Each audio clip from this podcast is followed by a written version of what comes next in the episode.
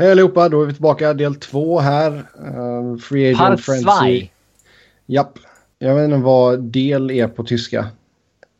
Nej, inte jag heller. Nej, det var alldeles för länge sedan jag pluggade tyska. Um, men nu ska vi inte prata om min skolgång utan vi ska prata hockey. Och uh, vi går igenom vad lagen har gjort här på Free Agent i början här av sommaren. Vi är i Eastern Conference nu och där hittar vi Boston först och främst. In Anton Khudobin, två år, 1,2 miljoner capita. David Backes, fem år, 6 miljoner. Och Riley Nash, ett år, 900 000. Sen signar man nytt med Tory Krug, fyra år, 5,25 miljoner. Och John Michael Lyles, ett år, 2 miljoner. UFAs, Dennis Heidenberg utköpt, Chris Kelly, Landon Ferraro. Och sen ut med Louis Eriksson, Jonas Gustafsson, Matt Irvin, Lee Stempniak och Brett Connolly. Kände, ja, man blev ändå lite, lite förvånad att de faktiskt köpte ut Seidenberg. Ja, jag trodde inte de insåg själva att han blivit sämre. Mm. Eller sämre, ja, men alltså inte att det var liksom så här utköpsläge. Mm. Var det egentligen det liksom? Var behovet så stort att det var inte köpa ut honom? Ja, de Behöver behöver, ju, man de behöver ju cap space för att gå efter Truba.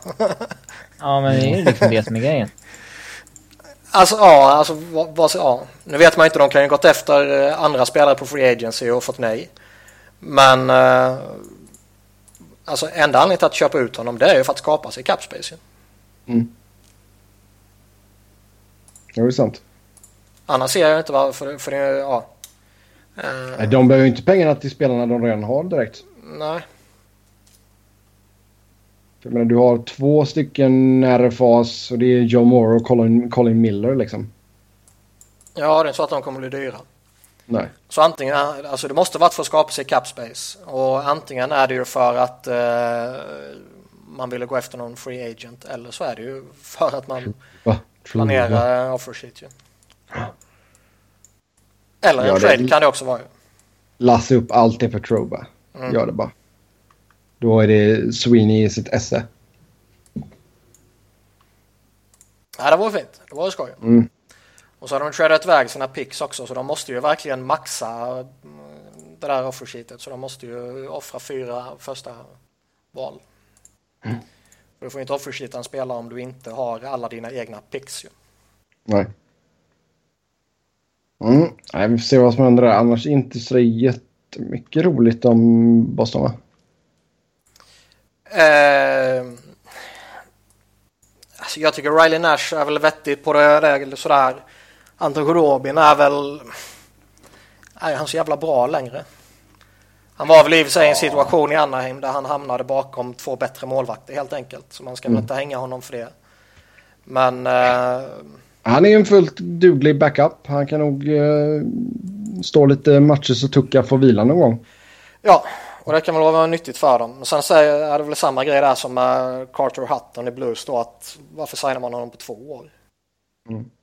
För som sagt... Ja, eh, var verkligen marknaden så att backup-målvakter kunde kräva två år? Ja. Verkar så? Mm.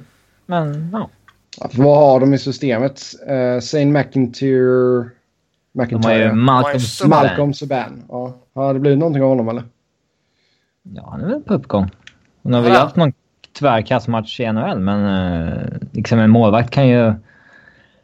Alltså jag menar, han draftades ju 2012 och det är ju inte så att... Uh, alltså i en målvakts ögon är han fortfarande jäkligt ung när man är 22. Ja. Han kanske kommer upp när han är 25 liksom. Mm. Alltså, på Annars riktigt. så, Ja. David Backes är ju intressant. Jag tror, det är, jag, tror, jag tror fortfarande han kommer vara duktig de närmsta åren. Och jag skulle själv inte ha något emot att plocka in honom på ett kort kontrakt. Han är fan äldre än man tror. 32. Ja, Man tror typ 29, men ja. men fem år, eh, det kan bli rätt jobbigt där mot slutet alltså. Han gjorde bara 45 poäng i fjol. Han hade väl lite skadeproblem och skit också. Så det kan väl ha sin förklaring. Men det kan ju också vara oroande. Spelade ändå hela säsongen. Jo, men han hade problem, visst det. Men ehm, sen har de ju pratat lite. Han har ju typ blivit garanterad en centerroll också. Ehm, Vill han ens spela center där liksom? Det är roligare att spela tredje center än att spela på Vergerons vinge. nej, Nej. det är väl roligare att spela vinge jämte någon av de två andra centrarna. Men eh. Han, de, ja, han sa väl själv att han, jag kommer spela center men sen kommer det väl vara lägen där jag kommer kliva upp i, kedjorna också och lira högerforward. Känns det inte väldigt dyrt med 6 mille för en tredje center? Jo det är det, det är men det är ju en styrka också. Det är väl egentligen inget fel med att ens tre bäst betalda spelare kan leda varsin kedja. Nej. Eh, men, eh, eller tre bäst betalda forwards. Jo, men vad sätter vi alltså om du Lite ska som i sätta, Pittsburgh sätt, där med... sätta ut Bru Bruins topp 9 för mig här nu. Ja, Marchand spelar med Bergeron såklart. Sen eh, om vi bara gör en depth chart och inte tänker något vidare på vilka som spelar vilka så är det Jimmy Hayes, eh, deras right-winger.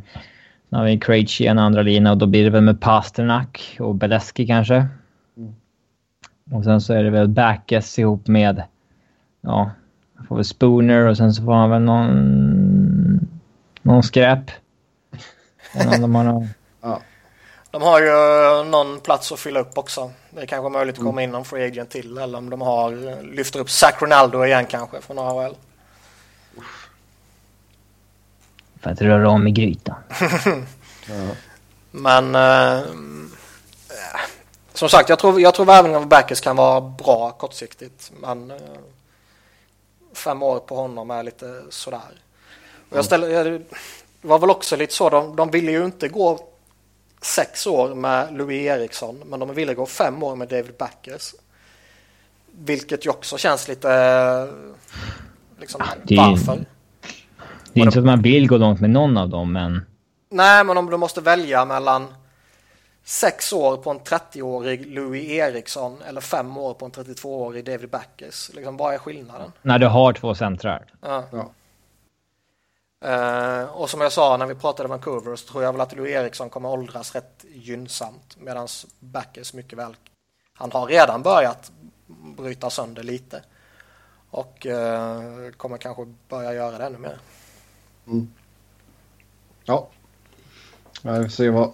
Men det är Sweeney vi pratar om också. så, så mycket kaoset har inte han gjort sedan han rörde om i grytan ordentligt där första veckan på jobbet. Nej, men det har, det har satt... Uh det är det vi bedömer honom ja, efter. det är klart. Han har fått den stämpeln nu, Robin. Buffalo in. Kyle Poso, 7 år 6 miljoner. Anders Nilsson, 1 år 1 miljon.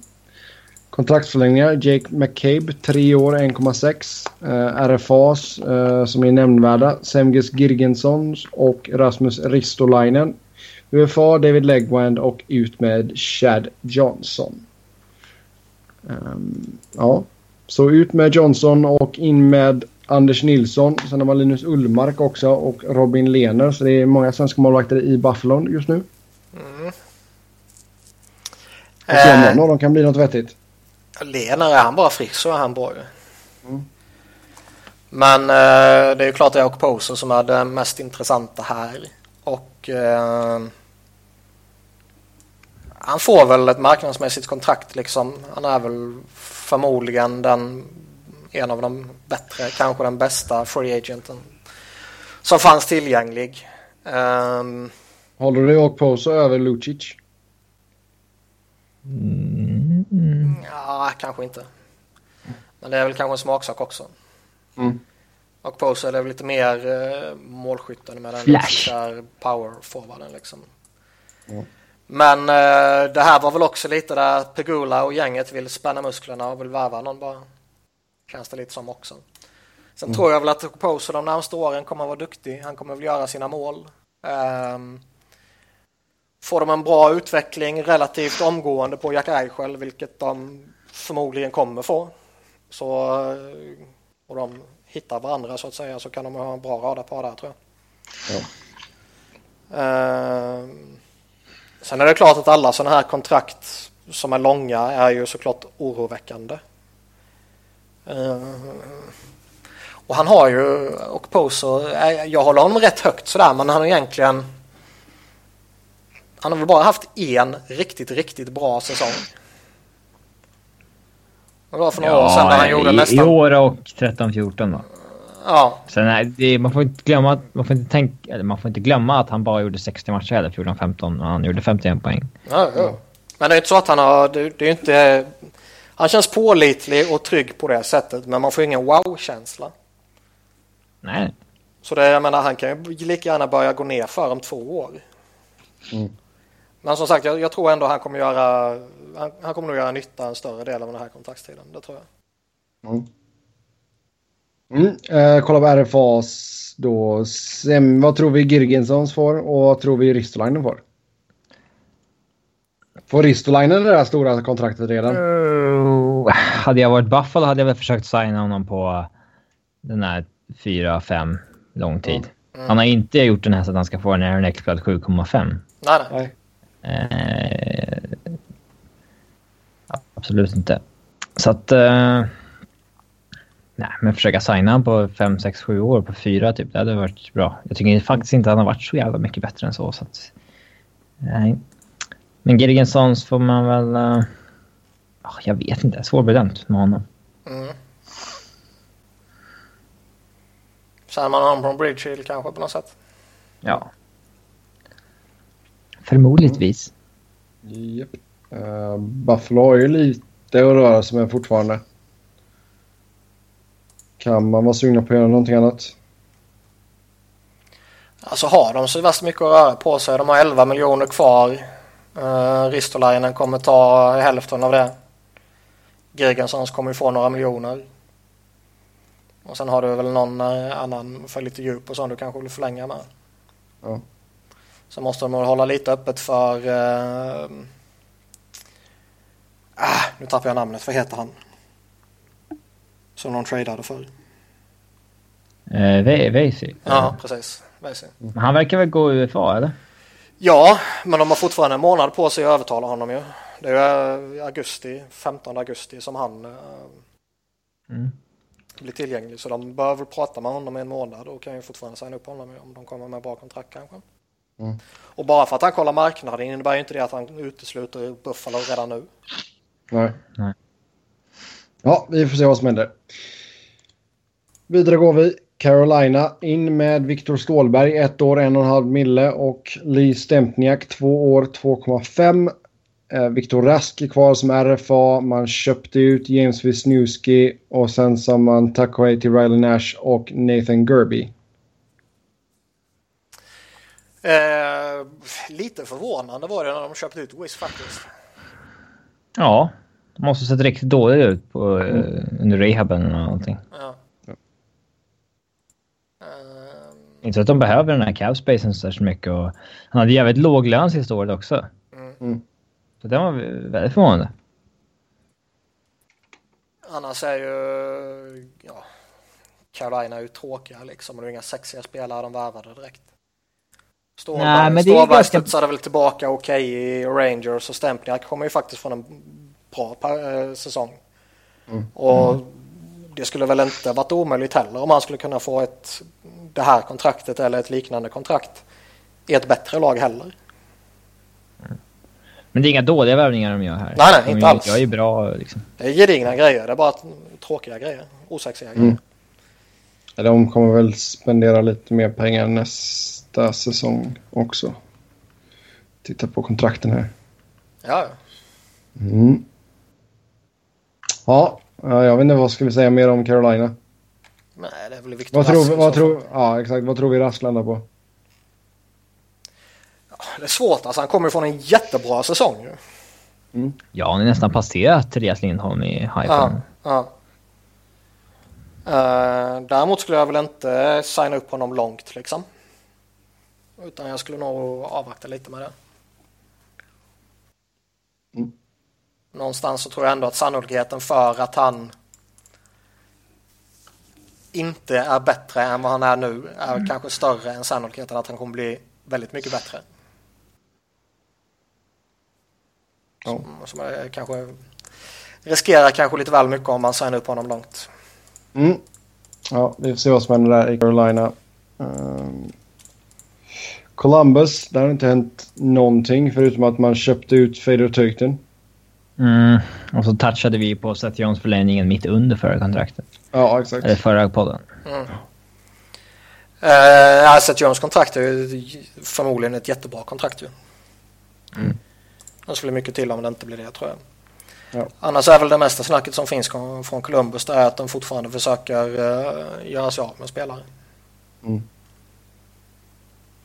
Och de har ju inte...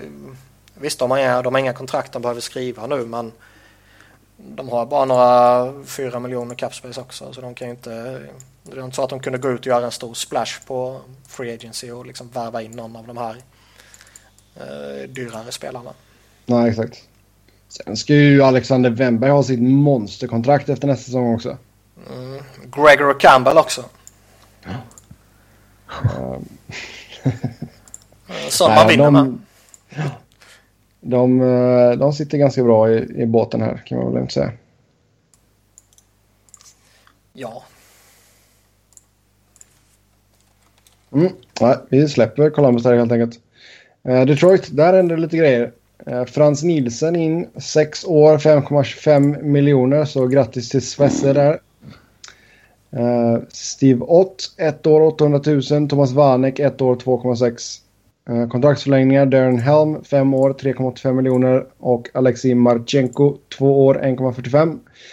RFA som man har kvar av Note är Danny DeKaiser och Peter Merasek. UFA Brad Richards. Alltså... Det känns som att Ken Holland börjar tappa det lite va? Ja, det gjorde han för en tid sedan. Och du menar att Frans Nilsson inte eh, kommer ersätta Pavel Datsuk? Men det är klart att det, inte fanns någon Datsuk-ersättare på marknaden. Det det är väl inte så konstigt. Men eh, det här är ju kontrakt som kommer eh, skada dem långsiktigt. Det känns som att Detroit mer och mer bara börjar fokusera på att hålla slutspelstreaken vid liv. Än att de ska liksom... Jag tänkte säga det. det är... man, vill, man vill ju inte bli coachen eller eh, general manager eller lagkaptenen eller whatever som bryter ja. den här streaken. Ja, det har ju, det, det har ju Zetterberg sagt någon gång också liksom att not ja. on my watch liksom. Ja. Eh, och Alltså Detroit borde ju resonera så att Kate Dylan Larkin är 19 år. När han är 23 då ska vi ha så bra lag som möjligt. Ja. Då kan man inte sitta på eh, liksom en Frans Nilsson som är 36 år och tjänar 5,25. Nej. Nej, jag tycker fortfarande han är en Nej. väldigt bra spelare och han kommer göra nytta ja. för Detroit kortsiktigt. Men ja, han är 32 och inte 29. Nej. Som du säger, mm. de sista åren där kommer han nog vara mindre mm. effektiv. Han har redan börjat visa tecken på nedgång i sina possession-siffror och sånt där också. Han var ju possession-monster tidigare. Nu har han börjat visa lite nedgång där. Eh, så att eh, det där... Och bara Darren Helm, fem år, 3,85. Men de satte ju nivån när de signade upp Abdelkader på det där sjuka kontraktet ja. också. Alltså sätter de honom på ett sånt kontrakt så ska Darren Helm ligga, vad säger man, nivån under liksom.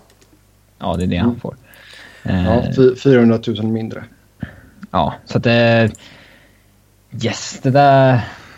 Däremot att de signar Vanik på ett år på 2,6 det tycker jag är en eh, fullt OK chansning av dem. Det tycker ja, jag är bra. Det skulle jag själv kunna tänka mig att göra. Mm. Mm. Det börjar bli, bli lite Ginla-varning på honom, förutom att han är sju år yngre. Men att han liksom inte riktigt kan röra sig med bara skjuta numera. Ja. Eh, men där tror jag Zetterberg fortfarande är liksom en... Har så pass mycket hockeyhjärna att han liksom ändå kan sätta Vanik i rätt läge för att utnyttja sitt skott. Eh, om de spelar ihop. Mm. Jag skulle ju inte sätta Vanik med typ Larkin så att då måste ju ha några som hänger med liksom. Mm. Eh, eh, Steve Ott trodde man ju var färdig, men liksom... Det, det, är, svår, det är svårt att floppa till 800 000. Nej, det, det går ju inte. Äh, han, gör, är han ens skuggan av vad han var tidigare så är han ju en bra depth-spelare för dem. Ja, och skiter det sig så bara dumpar du ner honom AHL. Ja. Eh, ja. Sen är det ju liksom... Det var ju inte så att jag uppskattade Detroit innan, snarare tvärtom. Men nu när de värvar honom kommer han ju hata dem passionerat ju.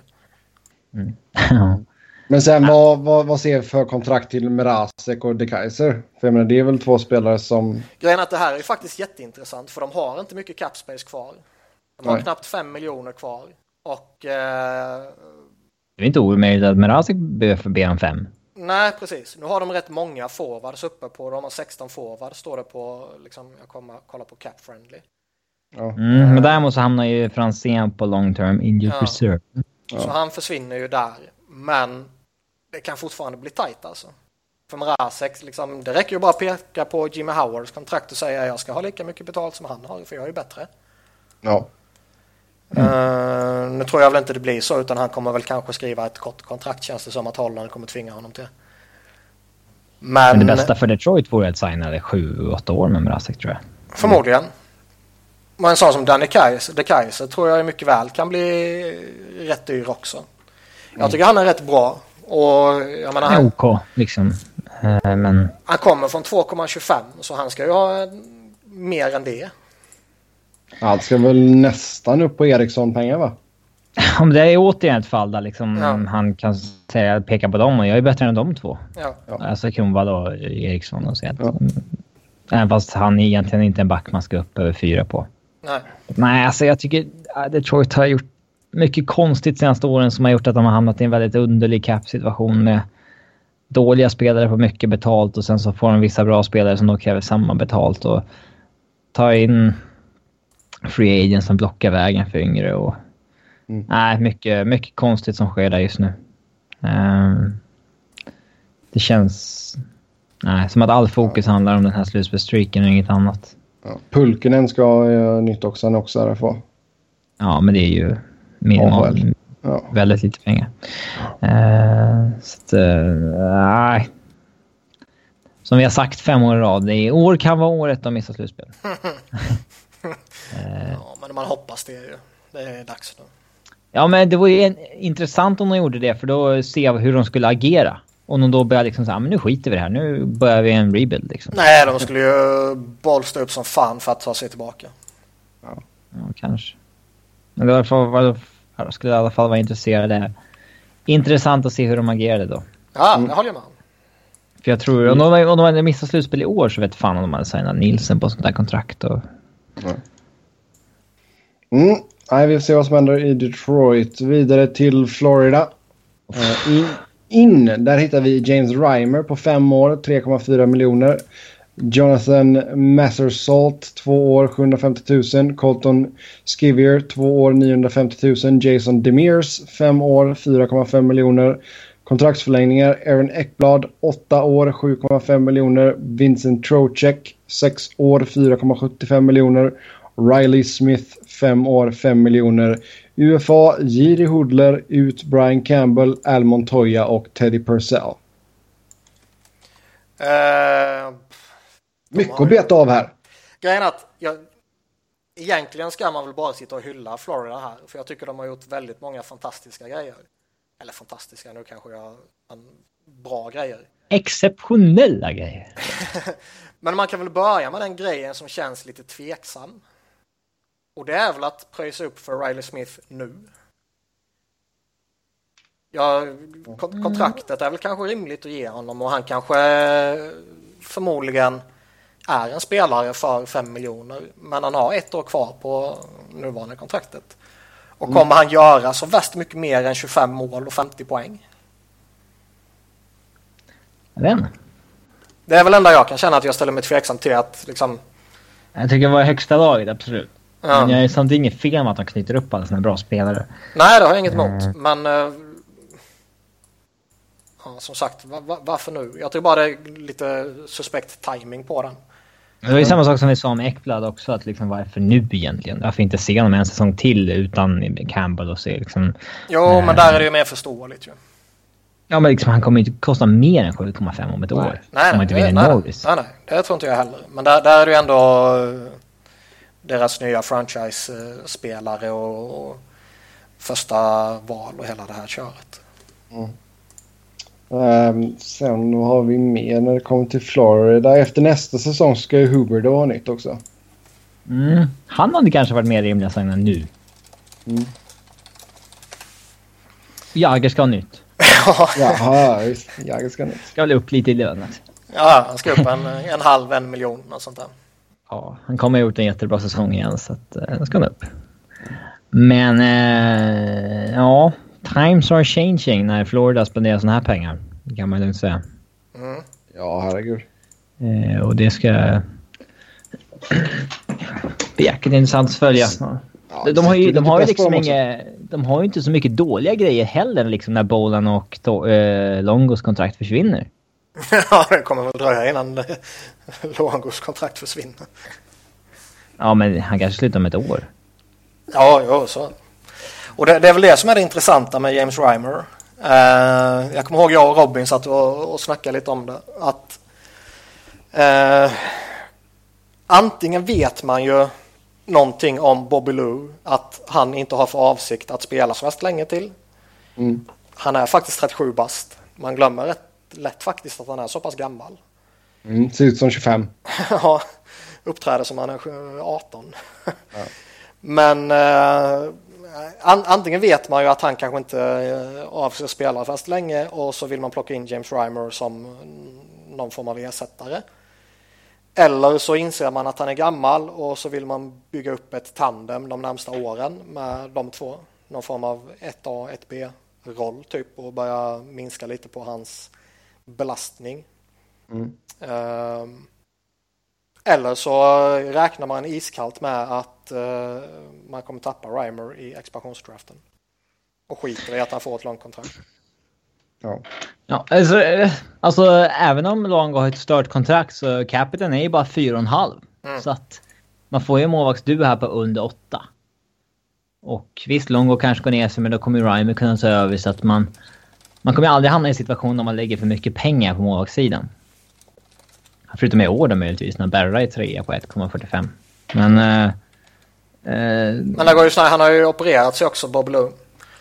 Mm. Uh, och om jag fattar saken rätt så är det väl lite tveksamt om han uh, är kry direkt så att säga. Ja, vissa rykten har sagt att han inte är det, vissa har sagt att han är det visst. Ja. Uh. Så där har de väl tagit in någon, vad säger man? Ja, försäkring om han missar någon månad kanske. Någonting. Ja. Så man slipper starta Berra. Ja, alltså jag menar båda två. Att man tar in båda två. Mm. Uh... Jag försöker bara titta lite på siffrorna här nu alltså för nästa år. Men annars tycker jag alltså det, det de gör i övrigt är ju jättebra. De har bra depth i Chevior om man kör så. Och uh, Jason DeMere nämnde vi lite kort när vi snackade Dallas ju att det är en jobbig förlust för dem. Jag tror det är en jättebra värvning för Florida. 4,5 också. Det är ju väldigt lite sett till ja. att han var den klart bästa rightbacken på eh, marknaden. Jag tror han är lite underskattad också. Han har väldigt bra ja, Det är lite som när Anton Strålman lämnade på marknaden för några år sedan. Ja. Uh, Trocheck 6 år 4,75. Det tror jag blir jättebra. Smith kanske högsta laget. Uh, Ekblad, ja, jag förstår inte varför man inte väntar ett år, men vad fan, det där kommer inte vara något problem heller. Mm. Uh, så att... Uh, mycket... Ja, vi får väl en final mellan Florida och Nashville om ett par år. mm. Ja, bara är kvar så det är lugnt. Ja, exakt. Ja, eh, Eh, vidare till Montreal. Där hittar vi in Zach Redmond, två år, 612 000. Eh, Alexander Radulov, ett år 5,75 miljoner. Och Al Montoya, ett år 950 000. UFA, Ben Scrivens, ut Tom Gilbert. Ja... Eh, precis, alltså, när vi snackar, precis när vi snackar Nashville så är det ju svårt att snacka Montreal utan att, utan att snacka den traden de gjorde också. Liksom. Framförallt kan du inte prata Radulov utan att prata... Shea Weber. Ja, PK Subban snarare. Ja, alltså de säger att PK var en uh, locker room distraction. Och så plockar man in Radulov. Uh, som svär att han har blivit en förändrad människa sen han, blev, sen han blev farsa. Men alltså uh, grejen är att jag, jag, tror mycket väl att Radulov kan vara sommarens bästa värvning. Om man bara pratar... Uh, skills för pengar? Ja, vad du får och vad han är kapabel till och hela det här grejen. Mm. Men det blir liksom så konstigt när man skickar iväg Subban och de här som du nämnde precis när det liksom sipprar ut och eh, de flesta förstår väl att det någonstans, även om det inte skulle sipprat ut, var en sån anledning som på något sätt påverkade. Mm. Um, så att då skicka iväg en sån och sen liksom ta in både Andrew Shaw och Radulov som är liksom suspekta eh, som uppträder suspekt har uppträtt suspekt liksom. Suspekta människor. Ja, Det sägs ju att Radulov har mognat en del de senaste åren. Men... Så han eh, blev farsa. Ja, och att Webber ska ha sagt att det var mer ett mognadsproblem än ett liksom, karaktärsproblem hos Radulov. Mm. det är klart han säger det. Men eh, ja... Jag är så kluven till Montreal. Jag vill ju se dem falla igenom fullständigt för att de var så korkade och gjorde den där Subban-traden. Men samtidigt så vill man ju se Radulov verkligen typ gå in och vara ligans bästa spelare när han typ sågas så hårt av alla experter som... Ja, men de, de typ garvade ju rätt ut i studion när, när liksom det Ja. officiellt att han hade signat för 5,75. Vad fan trodde de att han skulle signa för? Hans liksom ingångskrav var ju typ över 7. Alltså vad, vad trodde de att det skulle vara så här 2,5 eller någonting? Eller vad, det är väl klart att han ska in på såna här pengar. Det är väl inget konstigt. Nej, och bara få honom på ett år är ju jättebra. Nej, det, det, exakt. Det är väl skitsamma då. Mm. Så som sagt, jag tror det kan bli en jättebra värvning. Eh, Att han går till Montreal dock. Ja. Dels för att han kommer spela under Mkhitaryan och det känns ju som en grymt dålig match. Och sen så vill att Ja, de spela två, med... alltså. Man vill ju att han ska spela med riktigt bra center också. Men det är Nu kommer han väl... visserligen säkert spela med Pacioretty och kunna kanske bilda ett superradarpar där, men... eh, Men det är det som gör att, alltså, det som gör att man ställer sig tveksam till honom, det är ju Ferrien. För jag menar, han funkar inte med semin. Han vägrade spela honom och eh, Radulov är givetvis mycket bättre än honom, men det finns ju ändå vissa paralleller. Och samma sak med PK Subban, han funkar nu inte alls där och bänka honom, vägra spela honom, bla bla bla och nu skickar de iväg honom. Eh, så det, man bör ju på riktigt vara orolig för den relationen. Och det är Det är väl inte omöjligt den att- relationen som kan hålla tillbaka Radulov på något sätt. Det är inte omöjligt att vi ser att Olof tradas kring deadline heller. Nej, eller innan. Nej. Eh, Och så, eh, så har han liksom etablerat sig någorlunda i ligan till nästa sommar. Då kanske han signar två, tre år någonstans. Ja. Nej, det är sant. Ja, ehm, annars var det inte så jättemycket roligt. Alltså vad vill säga om Zach Redmond och Al Montoya? Det, Zach Redman borde ju spela i NHL, men det blir ju fortfarande så här konstigt att ta in en sån här uh, analytics darling ihop med Terrien. För de kommer inte... Ja. han skiter fullständigt i det. ja, men det är en sån här back som den generationen inte gillar. Ja. Mm. Undrar vad Therén och Jacob Delarose har för eh, relation. Ja, den är nog ganska icke-existerande ja. Han har ju knappt spelat NHL. Så. Mm. Ja. Sen har de ju Arturi Lehtonen. Nu får vi se om han får lira någonting. Ingen människa som bryr sig om honom. Det är bara du. Arturi. Arturi. Ja. ehm, nu skiter vi i Montreal och så går vi till eh, New Jersey. För där har det hänt lite grejer. New In. Jersey Devils! In Ben Lovejoy, 3 år 2,6 miljoner. Bo Bennett, 1 år 725 000. Vernon Fiddler, 1 år 1,25 miljoner. Kontraktsförlängningar. Devonte Smith Pelly, 2 år 1,3 miljoner. John Merrill, 2 år 1,1 miljon. RFAs kvar. Kyle Palmieri, Jakob Josefsson och Damon Severson. UFAs Patrik Elias, Tom Morotto, Jiri Tolusti och Bobby Farnham. Ut då David Schlemko. Eh, New Jersey är väl det laget som sitter på minst kontrakt just nu va? Ingen aning. De gjorde rätt många grejer men det var ju inga roliga grejer de gjorde. Mm. Det är bara för lite djup och lite sådana grejer. Eller någon, någon liten kontraktsförlängning och så här. Ben Love, Lovejoy är väl intressant så tillvida att han förmodligen aldrig skulle fått det här kontraktet om det inte vore för slutspelet. Mm. Jo, han är väl rätt etablerad. Ja, tror du verkligen han skulle få tre år? Och relativt Ja, det, mycket eller? det, det är under tre miljoner. Ja, jag vet fan. Det känns som att han har hypats upp rätt mycket i samband med slutspelet. Ja. Så han går in och ersätter Adam Larsson helt enkelt. Sen Nej, de behöver ju fortfarande hjälp på backsidan där alltså. Shearer har ju rätt vettig koll på honom för, förmodligen. Så det, ja. Ja, minst två backar ska väl in. Yes. Och sånt. Mm. Får se vad som händer där. Uh, mm, vad tror du om deras RFAs då? Carl, Carl Palmieri, jo, Jakob Josefsson? Palmieri är faktiskt ett intressant fall. Uh, han kommer och faktiskt gör en jättestark säsong och gör 30 pyts. Mm. Så han kan ju... Alltså han kom på nästan en och en halv miljon så han ska väl en bra bit över det nu. Vad skulle du ge honom? 3,5? Ja, det är väl inte omöjligt att han kan få något sånt. Mm. Mm. Och Jacke då? Ja, jag vet inte. Jag skrev upp honom bara för att han är djurgårdare. Och göra Robin glad. Då får Robin slänga ut en siffra här då. En siffra? Ja. Uh... Ge oss en siffra. Ge oss en siffra. Hur många år? Hur många år och hur mycket pengar? Uh, men det är ju... Det är en bottom six knuggare liksom. Han blir ju inte mer än det på den här nivån så att... Uh...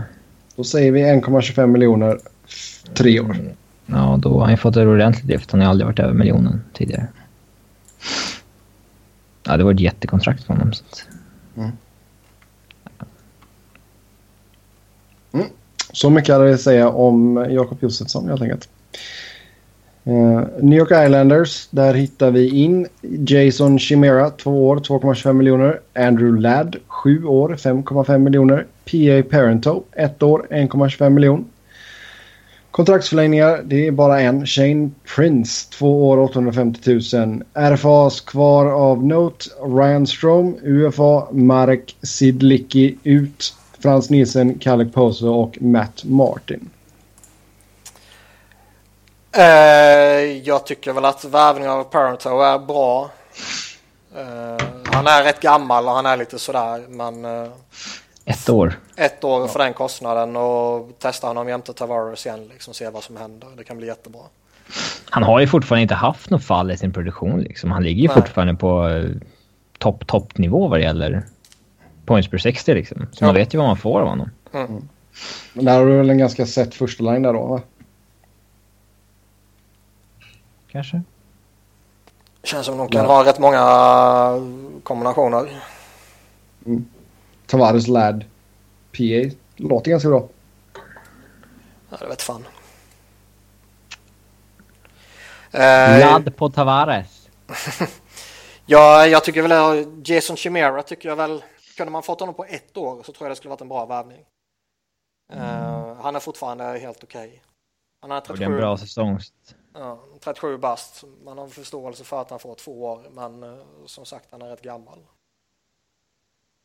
Um, Andrew Ladd är jag däremot tveksam till. Jag tycker ja. redan nu man ser uh, att han är på nedgång. Um, han är den här spelartypen som i den här ålders, uh, alltså 30-årsstrecket förmodligen kommer börja falla av. Och då plocka upp honom på sju år, det gillar jag ju inte. Mm. Så jävla bra var han inte när han var i sin absoluta prime heller. Nej, jag, han var nog lite varit... underskattad ändå. Men uh, det var ju ingen superspelare på det sättet. Nej, han har gjort över 60 poäng en gång. Mm. Mm. Så att... Uh, ja. Lite överskattad han blivit på slutet av, av den anledningen tycker jag. Ja. Men här är återigen som vi sa om Boston. Liksom vägrar ge Poso sina 6 miller på 6-7 år men man är villig att ge Lad det. Mm. Det känns konstigt. Ja. Absolut, absolut. New York Rangers då? Sen får man In... väl... Ja. Vi kan väl tillägga det att spelarna de tappar så är det väl liksom... Det är tunga tapp. Det är ändå spelare som de har ja. lutat sig mot. Ja, mm. Nilsson och Poser och Martin är ju... Säga vad man vill om Martin och den där fjärde kedjan men den var ju jätteviktig för dem. Mm. De använder den jättehårt ju. Eh, Nielsen var ju som vi har pratat om tidigare en duktig spelare. Även när han är lite på nedgång så är det fortfarande ett tapp för dem. Och, eh, och Pose och ja, Andrew Ladd kanske ersätter hans produktion den närmsta tiden. Men eh, ja, ur ett längre perspektiv skulle jag hellre ha Okposo. Mm. Japp. Då går vi till New York Rangers. In Adam Clendenning, ett år 600 000. Mikael Grabner, två år 1,6 miljon. Nathan Gerby, ett år 600 000. Uh, sen har man UFA, Dominic Moore, ut Erik Stahl och Viktor Stålberg. Och sen RFA, där hittar vi Chris Kreider, Kevin Hayes, JT Miller och Dylan McIlrath. Och Niklas Jensen. Um, det intressanta är, här är ju vad de gör med sina RFAs. De mm. har drygt 12 miljoner capspace och uh, ja, de här spelarna käkar väl upp allt av det. Uh, ja, det känns ganska givet. Jag tycker väl de värvningarna de gör här, det är väl helt okej värvningar för alltså Clendenning och Garber för, för det priset på ett år. Det är, ja, kan funka jättebra, funkar det inte så dödar de i AHL. Liksom. Grabner är ju jätteintressant spelare. Jag sa för några månader sedan och sånt där att man har alltid sådana jättehöga förväntningar på honom. Och sen så typ lever han aldrig upp till förväntningarna. Men anledningen till att man har förväntningar på honom det är för att han är så fruktansvärt kvick. Mm. Och han är ju jättehot i, han är ju duktig inom rätt underläge och han är ett jättehot inom rätt ja. underläge. Så det här, det här kontraktet så det är väl bra för honom liksom. Mm. Eh, så det, det, det, det, tror jag kommer göra nytta för dem. Annars mm. är det ju liksom, de har ju inget manöverutrymme. Skulle de börja, liksom, ville de göra någonting så måste de dumpa något kontrakt ju. Ja. Och visst, det mm. pratas om att de försöker dumpa både Girardi och Stahl, men det är mycket möjligt att du kan dumpa dem, men du frigör ju inte löneutrymme genom att dumpa någon av dem. Utan då byter mm. du skräp mot skräp ju. Mm. Um, utan det är de här fyra spelarna som, som ska ha sina kontrakt och som käkar upp 12 miljoner, om inte mer. Mm, alltså, vad tror ni en sån som Chris Kreider vill ha till exempel? Eller vad, vad tror ni man kan ge honom? Han kommer ju från eh, nästan två och en halv och eh, han ska väl inte dubbla det men eh, fyra. Han har ändå gjort eh, flera säsonger där han eh, är kring 20 mål. Mm. Ja, och sen som sagt JT Miller hade bra säsong. Kevin Hayes. Mm, nej, som du säger där. Alltså, alltså Miller de... är också... Antingen säger man honom på ett ettårskontrakt och på något sätt låter honom bevisa sig en gång till. Eller mm. signar man upp honom long term. Och signar man honom long term så kan han ju få rätt många miljoner. Då tror jag han kan få 4-5 ja. miljoner. Mm. Kevin Hayes vet jag inte riktigt vad... Å ena sidan är han ju jättespännande och jätteintressant. Å andra sidan så känns det fortfarande inte som att han har vuxit in i liksom NHL på något sätt. Och Vigneault har väl inte alltid varit jätteförtjust i honom heller. Så jag, mm. han, han, skulle, jag, skulle, jag skulle nog inte vilja signa long term med honom. Nej, det blir om inte Vigneault gillar honom så då är det väl eh, ganska osmart att göra det. Ja, sen jag menar Kevin Hayes kan vara i Rangers i sju, åtta år till och Vigneault kanske får sparken om ett halvår. Så liksom. mm. Men uh, ja, jag skulle väl inte vilja signa honom long term, men uh, det är väl inte fel att göra det heller. Mm. Dylan mm, McIlroth är ju någonstans... Uh, han är ju... Han är ju vad han är liksom. nu har de ju fått upp en first rounder så då vill de väl behålla honom och det är ju en den spelartypen han är och den backen han är kommer ju lagen alltid vilja ha. Mm. Så han kommer få ett kontrakt men han kommer inte bli dyr. Nej. Tobbe säger att Vigneault hatar Kevin Hayes. Ja. Aktivt. Hat. Aktivt hatar. Skickar elaka sms på, på nätterna. uh, obekräftat ska vi säga. Um, ja, nej, vi ser vad de inte på där i Rangers. Men det är, som du säger, där, det känns som att de fyra kan käka upp den capping ganska snabbt. Jag tror Ottawa, Ottawa. In. Ingenting. Kontraktsförlängningar? Ingenting. UFAs? inget ut. Patrick Verioch. Uh, RFAs kvar. Mike Hoffman, Cody Ceesay. De gjorde ju en del grejer men det var bara de plockade in massa skit till typ AHL och sådana här grejer och det är ju totalt ointressant. Mm. Uh, det enda som finns att prata om här är typ Mike Hoffman och uh, de har ju alltid varit lite, vi har ju pratat om det tidigare, men de har alltid varit lite tveksamma till honom känns det som. De hatar honom. ja. Men uh, Guy Boucher kom ju in och pratade väldigt gott om honom. Ja, det hoppas jag.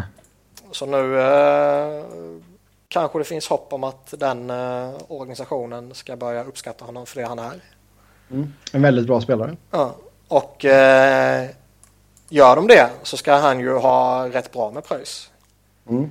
För han kom... har väl visat nu att han inte bara är en one hit wonder. Okay. Vilket man alltid kan prata om att han kanske är efter en sån här säsong bara. Men nu har han gjort två likadana säsonger. Den andra var till och med bättre. Mm. Mm. Uh, ska vi se, han hade två mille på förra kontraktet här. Ja, han ska ju minst dubbla det. Mm. Hur, hur många år ger man honom då? Han är ju smyggammal, 26. Ja, men jag skulle väl inte vara rädd för att signa upp honom på 4, 5, 6 år. Nej. Det är väl det som krävs och sen 4-5 miljoner. Mm. Det där vanliga kontraktet som vi säger till alla jävla spelare. Ja, exakt. Cody Ceesay då? Mm. Ja, han är svår. Mm. Alltså han gjorde ändå han gjorde 10 mål, det är respektabelt. Och bara ja, det kan väl ge honom lite pröjs. Mm. Men, ja. Kanske få ett Cowan-kontrakt. Ja. 3, någonting på fyra år eller någonting. Mm. Mm. Mm, vi får se vad som händer. Frågan är ifall Vegas plockar Andrew Hammond och sen eh, Nej. Mark, marketar skiten ur honom. Ham, Hamburglar Night i Vegas. Ja. Nej. Uh, nej, det är klart de inte kommer göra. Uh, Philadelphia in med Dale Weiss, fyra år, 2,35 miljoner och Boyd Gordon, ett år, 950 000. RFAs kvar, Jordan Wheel, Nick Cousins, Braden Chen, Brandon Manning, UFAs, Sam Garnier, man köpte ut RJ Umberger och sen Jevgenij Medvedev. Och sen sa man hej då till Ryan White som gick till Arizona. Så man släppte en spelare till Arizona och sen tog man in en annan från Arizona, Boyd Gordon. Bra signing där i ett år. Ja, jag är jättenöjd med den värvningen. Ja. Han, eh, han är en grym tekare. Han är, eh, spelar mycket PK och eh, han kommer frigöra jättemånga minuter och jättemånga tekningar från framförallt Claude Giroux men mm. förmodligen även Sean Couturier. Och eh, kan man slippa att Giroux spelar så mycket PK under säsongen och eh, liksom kan frigöra två, tre, fyra minuter per match där han kan spela i offensiv zon istället så är ju det skitbra ju. Mm. Och de här minuterna som de spelar i PK de sliter ju jättehårt. Mm. Um, Nej, de är bra, Boyd bra på. Ja, och då får ni en bra tekare också. Så nu har vi två fantastiskt duktiga tekare. Drew är ju redan en av ligans bättre tekare och uh, nu kommer Gordon in också. Så den mm. värvningen tycker jag är skitbra. Jag ska ju tacka Edmonton också att de gav honom det sjuka kontraktet 3 gånger 3 där så att han har tjänat lite pengar. Så sen, han bara, ah, men det är lugnt jag kan signa för 950. Ja. Um, plus att vi får en naturlig center till fjärde kedjan. Mm. Det är liksom Bellemare tycker jag, han har gjort det bra sen han kom in men han är ju ingen center liksom. Nej. Han har ju någonstans tvingats spela center för att vi inte haft bättre alternativ. Uh, och för att han har varit den som är bäst lämpad för det av de som har härjat där nere. Mm. Uh, nu kan man slänga ut honom på en kant där jag tror att han kan göra mer nytta. Mm. Och som sagt, uh, vi... Mm. ja, Gordon tror jag ja, jag, jag, tror det är en jättebra värvning. Mest mm. bara för att det frigör Giroud. Mm. Och som Hextall redan har pratat om att det var därför man signade honom. Nej, jag håller med till fullo där. Det kommer vara en skitbra värvning för er. Absolut. Om vi tittar på era RFAs här då. Braden Chen, Nick Cousins, Jordan Wheel, Brandon du, Manning. Du glömde ju ja, det stora. Ja, just det. Dale Så- Weiser. Jag... eh, Köp, köper du hypen? Ja, ja för fan. Han är kung. Efter att han eh, blev ärkefiende med Milan Lucic så är han min hjälte. Okej. Men... Det, ja. Han får ju för långt kontrakt och han får ju för mycket betalt. Det är inget snack om saken. Eh, men med det sagt så han har ju en uppgradering jämfört med Ryan White. White är ju... Han ska ju ha budat ut sig själv från Philadelphia. Han, det han signade för en miljon på ett år i Arizona var ju inte det kravet han gav till, till Flyers. Utan det har ju, de har ju inte bekräftat några siffror men Flyers, eller Hextall snarare, sa ju att eh, White budade ut sig själv. Och skulle han bara velat ha ett år på en miljon så skulle ju de ha signat upp honom. Ehm, så där är det en klar uppgradering och Weiser har ju till och från kunnat visa sig spela högre upp i hierarkin också om det är någon skada eller någon avstängning och sådana här grejer.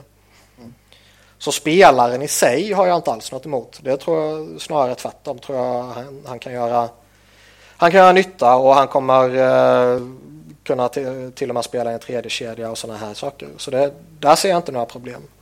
Sen är ju kontraktet är vad det är. Det är ju, det är ju inte bra men det är inte kaos heller. Jag kan ju uppskatta att Wise gick till Holland under lockouten och spelade för Tilburg Trappers. Är fint. Det är riktigt nice. Ja. 48 poäng på 19 matcher. Sen har han liksom, ja, han har rätt vettiga sådana här eh, fancy stats och, och liksom hy- hygglig corsi och corsi relative och sådana grejer. Så. Jag är väl inte jätteorolig för honom. Men som sagt, eh, det här är väl också en sån här spelare som han ska ju i synnerhet inte ha term. Nej. Mm. Nej, vi får se ifall han eh, kan pytsa in några baljor. Nu då, RFA-serna. Chen, Cousins, Wheel och Manning. Vem vill du behålla? Jag tror man kommer behålla allihopa. Mm. Braden Chen är ju jättegivet.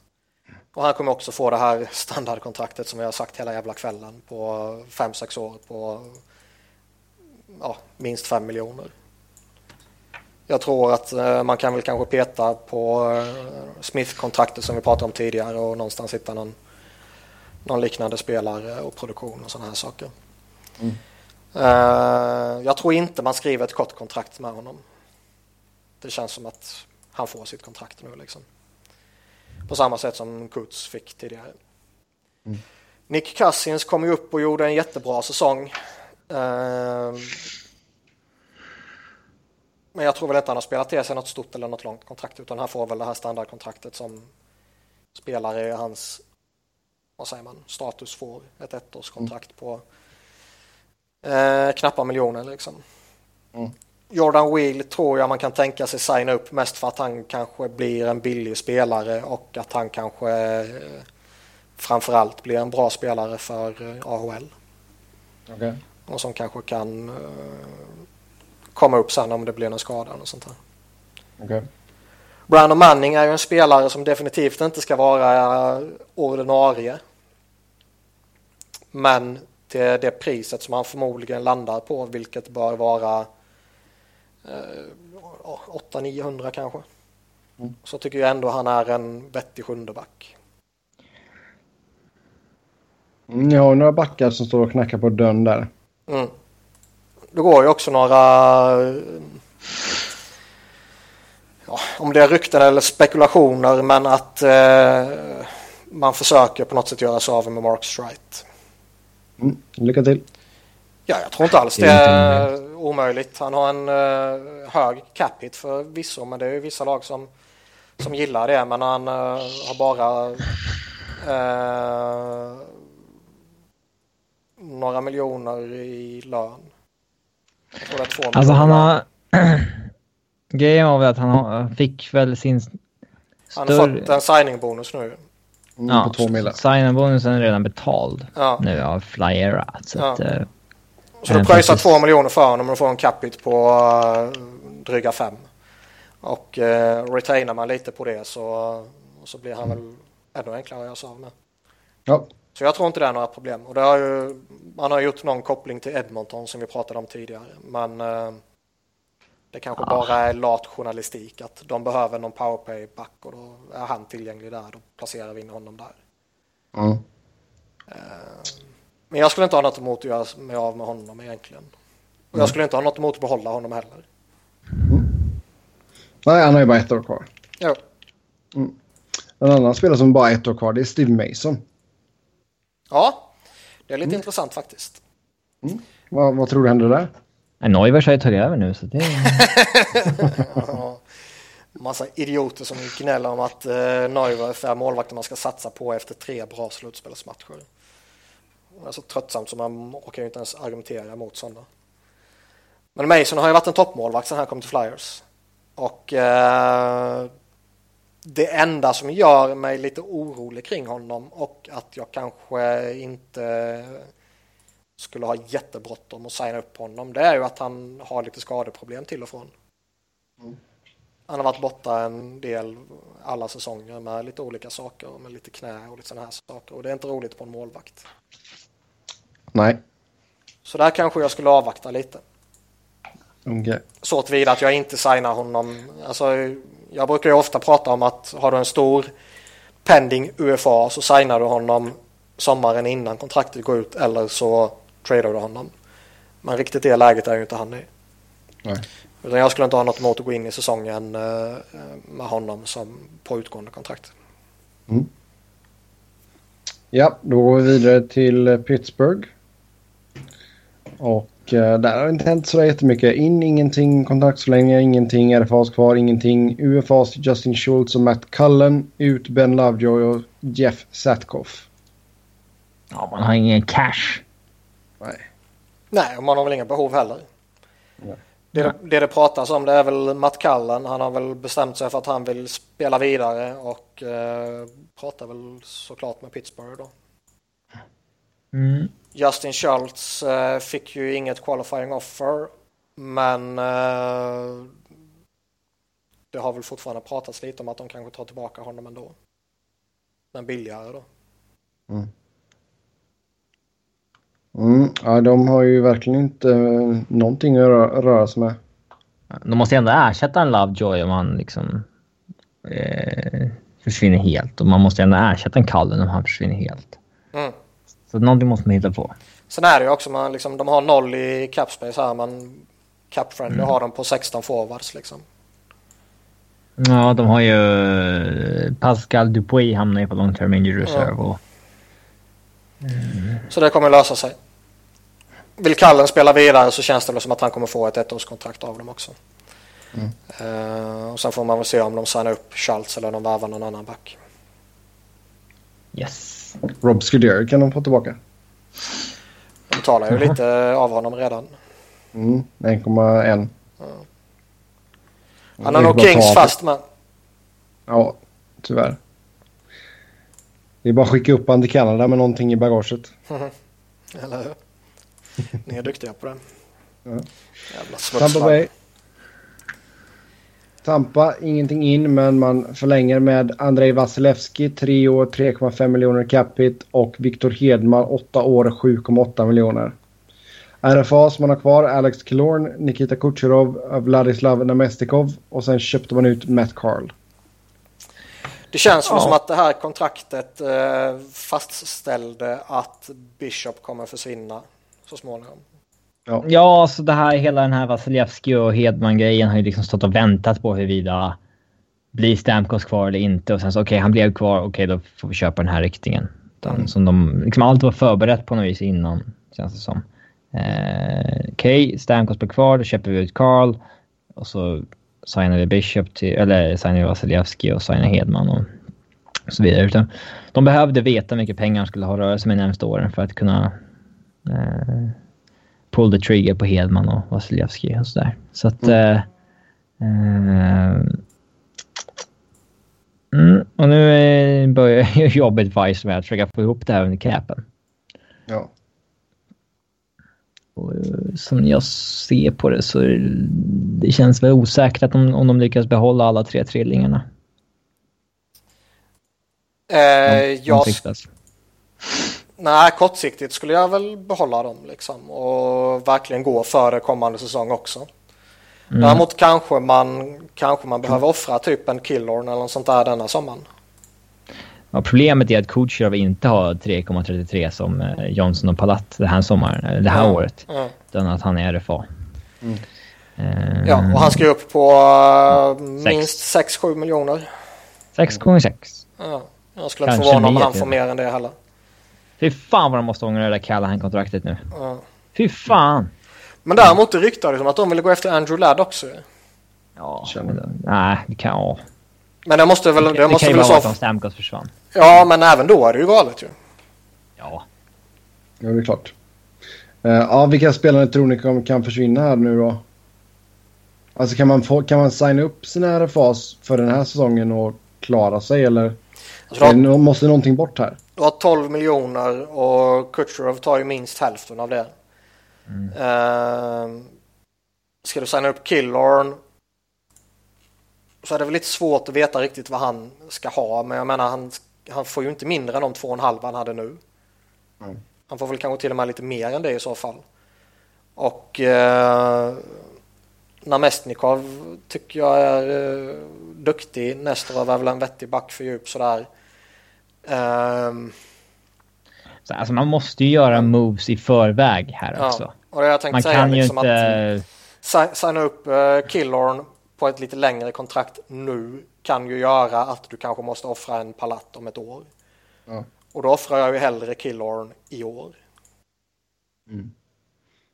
Kan man bli av med Filipporna på något sätt kanske? Ja, det tror jag. Men det är ju ännu lättare att göra det nästa sommar. Men det är svårt, alltså man vill ju veta...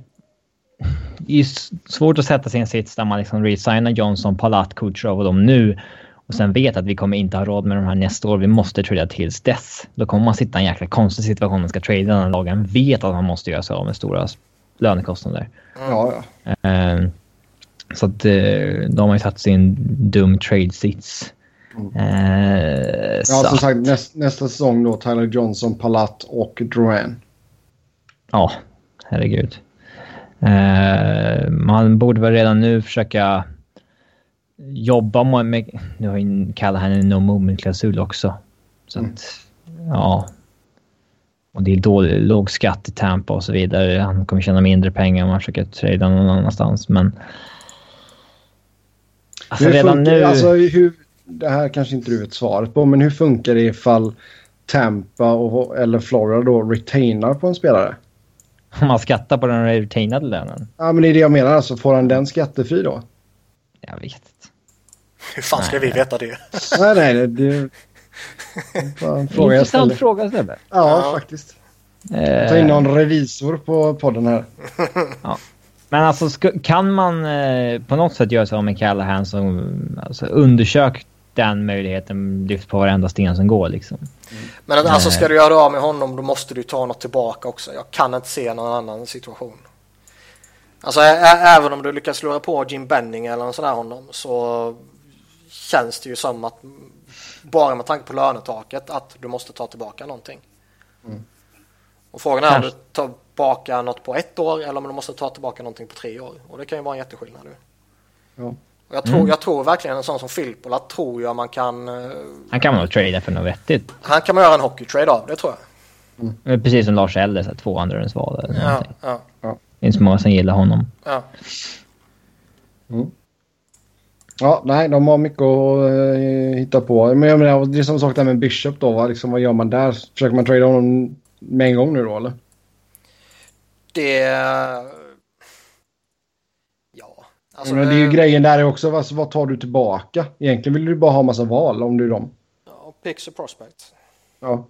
Eller någon som är uh, på ett uh, liksom som är på ett kontrakt som är cost control så du vet vad du får eller vad du spenderar rättare sagt på honom. Att han kan ha två eller tre år på ett billigt kontrakt eller entry level kontrakt eller något sånt där. Mm. Um, för de är ju inte i ett läge där de kan ta på sig mycket lön. Och problemet då med Dallas är väl att Dallas uh, kommer ju givetvis, eftersom det är Dallas som det pratas mest om då. Mm. De kommer ju givetvis inte vilja sitta på Bishop, Lehtonen och Niemi. Nej. Men då får de ju... Vad sitter Lehtonen och Niemi på? Uh, Lehtonen har ju 5,9 Ja. vet jag. Och Niemi har 4,5 eller något sånt där. Men då Ja. får de ju behålla typ hälften på Niemi. Kanske? För att det ska vara... Alltså, men är det ens värt det då liksom? Jag menar, jag kan ju anta att de vill ha typ Honka. Mm. Ja, det är Ja. bara två år kvar på Niemi då. Den är ändå ganska intressant om de retainar hälften. Ja. Eh, så där... Den är, den är kanske inte så omöjlig eller så ologisk som det lät i början att just alla skulle gå efter Bishop. Ja. Men då får de skicka Niemi och så typ en... Ja. Ja, Honka. Honka känns väl ganska Men givet. de ska ju få något riktigt bra utbud idag av Dallas för att det ska vara värt det. För de Mm. vill ju samtidigt inte ha Niemi på 2,25 nästa år. Nej. Om de inte kan trada bort den Men alltså kan de... 2,25 Niemi då. Men det Jo, men det... Ja, kanske. Eller att... Kan Vegas plocka en Niemi till, till, till 2,25? Alltså du bör kunna hitta en bättre målvakt än Niemi. Det skulle vara om men Dallas alltså, de kan ju- de kan plocka- som de vill De kan ju plocka en målvakt och sen ta Niemi till 2,25 som en... Ja, jag vet inte. Ja, men kan, det, det kan ju fortfarande finnas eh, sexigare alternativ att plocka i Tampa än Niemi. Ja, absolut. För de måste ju plocka en spelare från alla 30 lagen. Ja, Och eh, med tanke på hur många duktiga spelare Tampa har så kommer de ju lämna någon vettig Någon. spelare oskyddad. Mm. Och då bör du väl ta den bästa spelaren liksom. ja absolut. Mm, nej, det blir klurigt detta. Så upp, upp till bevis för Steve Eisenman. Toronto, där hittar vi Matt Martin, 4 år, 2,5 miljoner och Roman Polak, 1 år, 2,25 miljoner. Eh, RFAs Peter Holland och Martin Mar- Marinchin, UFA, Bad Boys, ut. Alex Daylock, Mikael Grabner och P.A. Parento. Här är det ju mycket, mycket intressant faktiskt. Ja, Att, alltså, vi har ju berömt Toronto mycket för den riktningen de har gått de senaste två, tre åren och eh, eh, de har tagit in många undervärderade bra spelare som de eh, dels kan trada men då fram tills dess ha en bra spelare under tiden. Mm. Men nu börjar de agera riktigt jävla konstigt. Eh, hade det inte varit värt att behålla en PA Parito på 1,25 kanske om det var priset där? Mm. Bara till att börja med. Eh, Ja. Och sen... Eh, alltså Roman Polak på ett år är väl aldrig något problem. Han kan ju spela bottom pairing och sådär men... kan fortfarande Det- flippa honom mot en second eller third round och sånt där vid deadline. Ja, det är samtidigt en indikation på att någon i Torontos ledning värderar en spelartyp som Roman Polak. Mm. Eh, Samma, samma liknande grej kan jag säga om Matt Martin också. ja, och där är det än mer oroande för där signar man ju faktiskt fyra år. Ja, där signar man ju för att behålla. Polak kan man ju fortfarande argumentera för att man signar för att trada. Och det sägs att man går hårt för Chris Russell. Ja, Det är ju jätte, jättemärkligt. det, det, det är ju lite skoj att de å ena sidan har Duba som... Uh, Vi vet inte gillar det här. Nej, Vad sa du? vi vet ju att Dubas inte gillar det här. Nej, exakt. Och det är han som sitter med Analytics-delen och sen sitter Uncle Lou med Old School-delen. Vägrar ge Aston Matthews sitt tröjnummer på Development Camp liksom. Uh, får gå runt i 59 eller vad fan han fick liksom. 64? Ja. 16, Något sånt var det till och med. Men ehm, och sen sitter ju Shanahan och det verkar ju som att det är Shanahan som bestämmer. Att han har liksom slutgiltiga ordet i alla beslut och att, att han då lyssnar på ja, de båda sidorna så att säga. Mm. Så frågan är ju om han bara har vikt sig för någon här eller om han själv har tagit beslutet att nu ska vi gå efter de här spelarna. Och då värderar de här spelarna som Robin var inne på och som vi då och som väldigt många med oss tycker är lite snedvrida värderingar. Mm, suspekt. För Polak på det där kontraktet, alltså det, i sammanhanget så är det ju en skitsak på ett år Mm. bara. Det, det kan man ju vifta undan som... eh, ja, Men det blev ju intressant när de gjorde flera konstiga saker. Ja, då hamnar det ju i ett sammanhang. Och i synnerhet då om de går efter Russell också. Och i synnerhet om de signar upp Russell också på vad som förmodligen kommer bli ett fyra eller femårskontrakt på 4-5 miljoner vad det snackas om ju. Ja. Och signa upp honom på det, ta in Polak och sen ta in eh, Matt Martin som är liksom kast som jag tycker. Mm. De kan Det är inget ut, fel med att ha Colin Green som fjärde, fjärde line left winger nej, alltså slänga ut eh, Martin, han kommer åka skridskor, han kommer tacklas och så vidare. Men ehm, han är ju inget speciellt på något sätt. Han har, han har blivit glorifierad bara för att eh, eh, han användes väldigt mycket i Islanders fjärde kedja. Jag skulle aldrig vilja signa upp honom på så långt kontrakt. Och så dyrt kontrakt.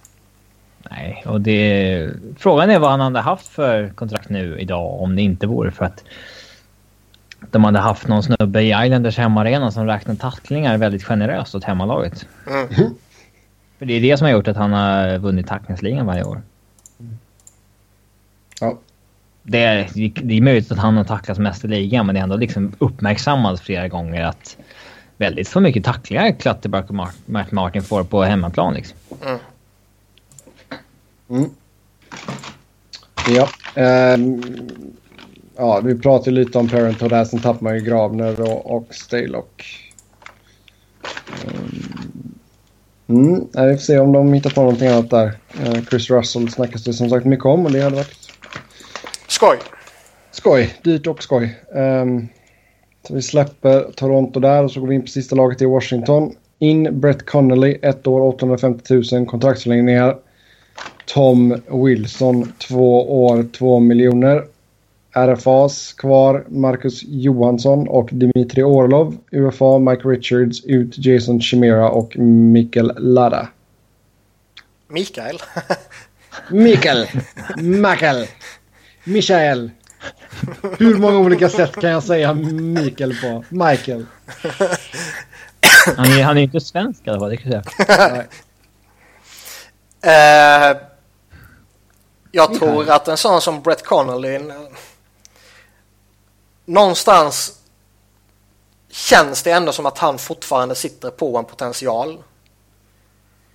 Men sen samtidigt har han haft så många chanser nu utan att visa upp någonting så det kanske bara är falska förhoppningar. Ja, det är nog kört för honom. Ja, Men 800 000, ingen risk. nej Alltså, det är ju bara bra.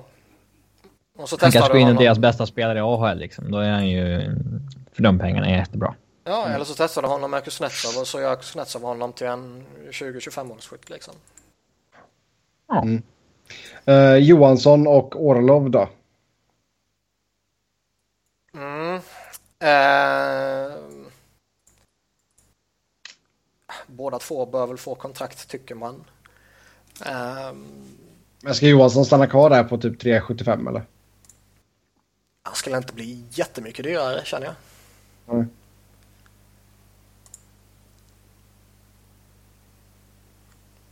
Uh, Orlov är väl också en eh, fullt kompetent back men han ska väl också ha lite löneförhöjning från sina två. Mm. Men det löser de ju utan problem. De har ju liksom 8 miljoner i capspace så det, Ja. det ska bli mycket till om det blir några problem där. Nej. Uh, Tom Wilson är ju skräp rakt igenom och kan inte spela hockey och är en fara för hela samhället. Det här samhället. Preach! Preach! Nej, det räcker väl att konstatera att han är en fara för hela jävla samhället. Ja. Ja, det hade varit så kul om Flyers hade tradat upp för att ta honom där i draften som det surrades om. För att han var verkligen en Flyers-spelare. Ja, för fan. Ja, två, två miljoner för mycket. Han är ju verkligen dålig också. Det är inte Ja. bara det att han är liksom far, Han är ju inte bra. Nej. Nej, nu ska vi inte prata om honom. Vi släpper det helt enkelt. Inte nu när vi äter. Min morsa sa så en gång, en gång när vi... När jag... När vi käkade och så... Och så slog jag på typ TVn om det var allsvenskan eller någonting. Så spelade AIK. Eh, jag, jag tycker alltid så ja, en fotbollsmatch så det är extra kul att kolla om AIK spelar för då har man ju ändå ett intresse i vem som vinner. Men då säger morsan så här, nej, inte nu när vi äter eller något nej. nej, det förstör aptiten. Mm. Ja, vi släpper lagen där och så går vi in på lyssnarfrågorna. Tack till alla som har skrivit in. Det kom in en hel drös den här gången, så det uppskattar vi. Först ut, vilket är det sämsta Free Agency-kontraktet som skrevs nu i veckan? Uh, jag är kluven mellan Andrew Ladd och uh, Frans Nielsen faktiskt. Men jag lutar nog åt Ladd. Ja. Mm. Uh, och det kommer vara Chris Russell när han har signat. Ja. Men jag, jag, säger väl samma. Jag tror Frans Nielsen börjar bli gammal, men jag tror inte han kommer bryta sönder fysiskt på samma sätt som Andrew Ladd redan har börjat göra och kommer göra ännu mer. Mm. Så det, det, äh, det kontraktet är jag tveksam till. Ja, är vi eniga där. Hur usla kommer Red Wings att vara? Var nästa fråga. Alltså missar man slutspelet detta året? Ja, man har ju ändå bolstrat alltså, bolstrat upp ordentligt i år nu. Så ja. alltså, Nilsen kommer ju gå in och göra laget bra. Mm. Eh, visst, han är ingen Datsuk såklart, men... Eh... Det går ju inte att ersätta honom. Nej, men liksom ingen Datsuk, Zetterberg är ett år äldre, Kronwall är ett år äldre. Det är, det är klart att de... Men grejen är att de, de... de är väl ett bubble team som har varit de senaste tre, fyra åren. Ja, de tog sig till slutspel nu på uh, samma poäng som Boston som missade. Mm. Mm. Så de är på gränsen. Och jag menar, mm. det, det vore ju inte jättechockerande om Boston tar några poäng till och Detroit tappar några poäng till eller att eh, ett lag som... Vi pratar ju om en straffläggning hit eller dit över 82 matcher. Ja, eller ett lag som liksom Carolina eller Ottawa eller något sånt eh, studsar upp lite och Montreal liksom, jag har ju har de Carey Price frisk eh, så har jag ju svårt att se dem hamna där nere. Mm. Ja. Vi får se, vi får se. Hur bra är James Wisniewski fortfarande och vilken lön och term kan en back som han kräva? Jag vet inte. Jag såg ju bara han 47 sekunder förra säsongen. Det är svårt att kräva mer än ett år i hans läge. Ja. ja. Men visst borde han kunna få... Alltså han borde Jag hade inte haft något emot att signa på 2-3. Men... Men grejen är att äh, köpa... Alltså, det som vi pratade om tidigare. Det fanns ju egentligen det. inte något behov av att köpa ut honom. Så då måste de ju, känns det som, som du sa, haft koll på någonting. Ja. Verkligen. Och, och liksom, uh. antingen att han inte ser helt fräsch ut eller att uh, det har inte gått, att han inte är lika stark som han behöver vara och sådana här saker. Um. Men även om det var så, hans kontrakt går ju ut efter säsongen. Det är inte så, att de har så mycket att tjäna på det. Nej. Mm. Man tycker liksom också, de, de borde ju inte vara i ett läge där de, alltså de pröjsar redan rätt mycket för semin. Ska de då pröjsa ännu lite till för uh, Wisniewski också så Ja, de verkligen ett läge för det. Han kommer väl skriva ett år en miljon någonstans. Ja. ja. Och det kan ju bli ett jättefynd. Mm. Ja, vi får se om man kan hålla sig frisk. Penguins uh, kanske, vad det ersätter Lovejoy. Mm. Ja, sen har vi en uh, Montreal-fan som har skrivit in här. Hur kan mitt Montreal säga att man blivit av med distracting and character issues med Subban och sedan gå och värva någon, någon som är känd som ligans partyprisse nummer uno? Det ta i om rader då. Visst, han gillar en bärs då och då. Men... Eh... Ja, alla. Ja. Men, eh, nej, det är väl lite överdrivet här i frågan, det är det väl. Men eh, det är som vi pratade om när vi pratade Canadiens att liksom allting sätts ju på sin spets. Alltså skulle de inte gjort Subban-traden så skulle ju ingen pratat om det här på samma sätt ju. Nej. Det är ju bara för att man skickar iväg honom med det argumentet och tar in båda Radulov och vi får inte glömma i det här sammanhanget heller Andrew Shaw som ju också mm. är ett svin. Mm. Erkänd homofob. Uh, och allmänt dum i huvudet. Har vi surrat om kontraktet han fick? Ja. Vi sa typ att... Uh, surrade väl om traden, men jag vet inte om vi surrade kontraktet. Ja, det gjorde vi. Vi sa typ att uh, capiten är väl kanske inte jättefarlig men längden är ju suspekt. Mm. Japp. Men... Ja, nej, det är konstigt resonemang av Montreal i alla fall. Ja, alltså jag vet inte om det finns så mycket mer att säga än det vi sa när vi snackar Canadiens, men det är ju... Mm. Det, jag vet det inte, alltså hur, hur är klubbscenen i Montreal? Det är en bra fråga. Ja, jag vet inte. Det ska ju tydligen vara Nordamerikas mest europeiska stad. Eh, så det kanske, kanske finns några bra ställen där. Ta- Om inte annat så Så- finns det ju väl i nästan alla sådana här stora nordamerikanska städer eh, ryska kvarter som han kan hänga i. Ja, nice. Nej, vi får ta och åka till Montreal helt enkelt.